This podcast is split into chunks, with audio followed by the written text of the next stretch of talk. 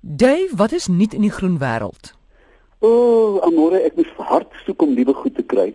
Een van die dinge wat my aandag werklik vasgevang het, was die Wêreldgesondheidsorganisasie, the World Health Organization, het 'n aantal feite oor water vrygestel. Iets wat mense nie altyd van bewus is nie. Waterskaarste kom hoofsaaklik voor in plekke wat baie water het. Is dit nie ironies nie? Mm in die trope waar daar baie water is, is die water so onveilig om te drink dat daar werklik 'n waterskaarste is in die trope waar daar oppervlakte water is, want die water is besoedel of onveilig. Een van elke 3 mense op aarde tans van 7 miljard, nee, 7.2 miljard mense beleef daagliks waterskaarste. Amore, ons weet nie hoe gelukkig ons nog in Suid-Afrika is nie met alles vrotter riviere, met Gauteng wat stink, met kommissie gesê, met riviere wat kook, gaan dit nog goed. Ons kan nog 'n kraan oopmaak.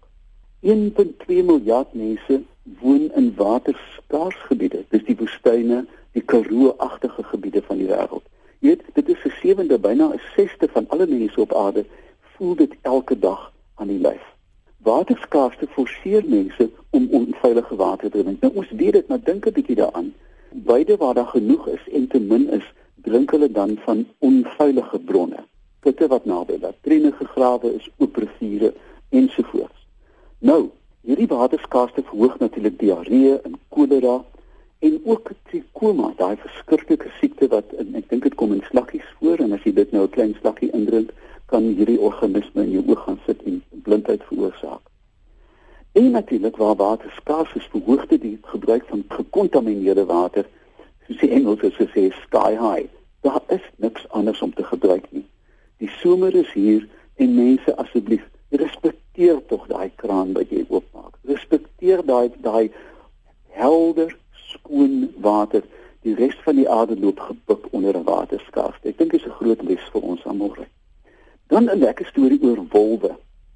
Ek was 20 jaar gelede in Yellowstone National Park.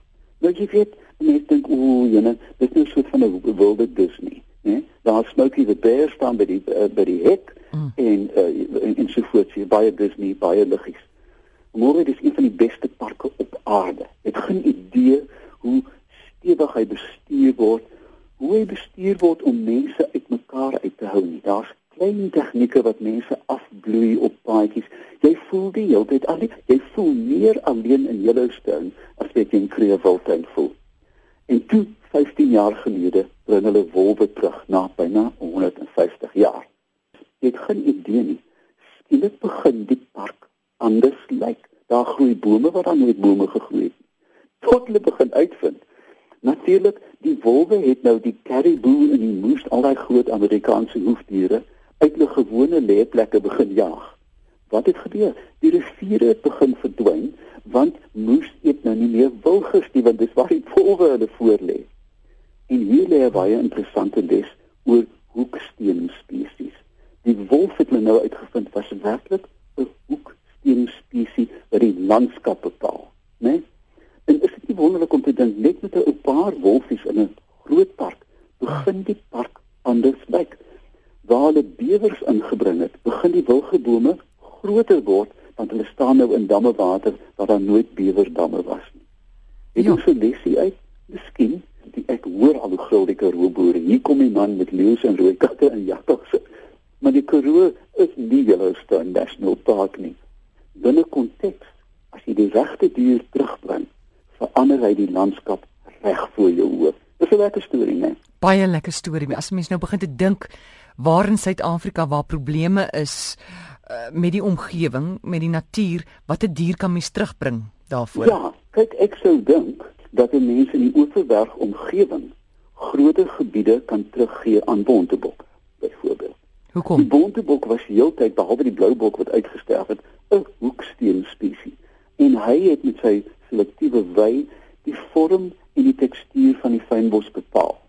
'n Mens kan dink aan Kaappunt as jy teruggaan in die geskiedenis. Daar was renosters in die Kaap Amore, onthou dit hoor. Onthou ja. dit, daar was olifante in die Olifantsrivier. Nou ooh, die hanepootdrywe gaan maar swaar kry.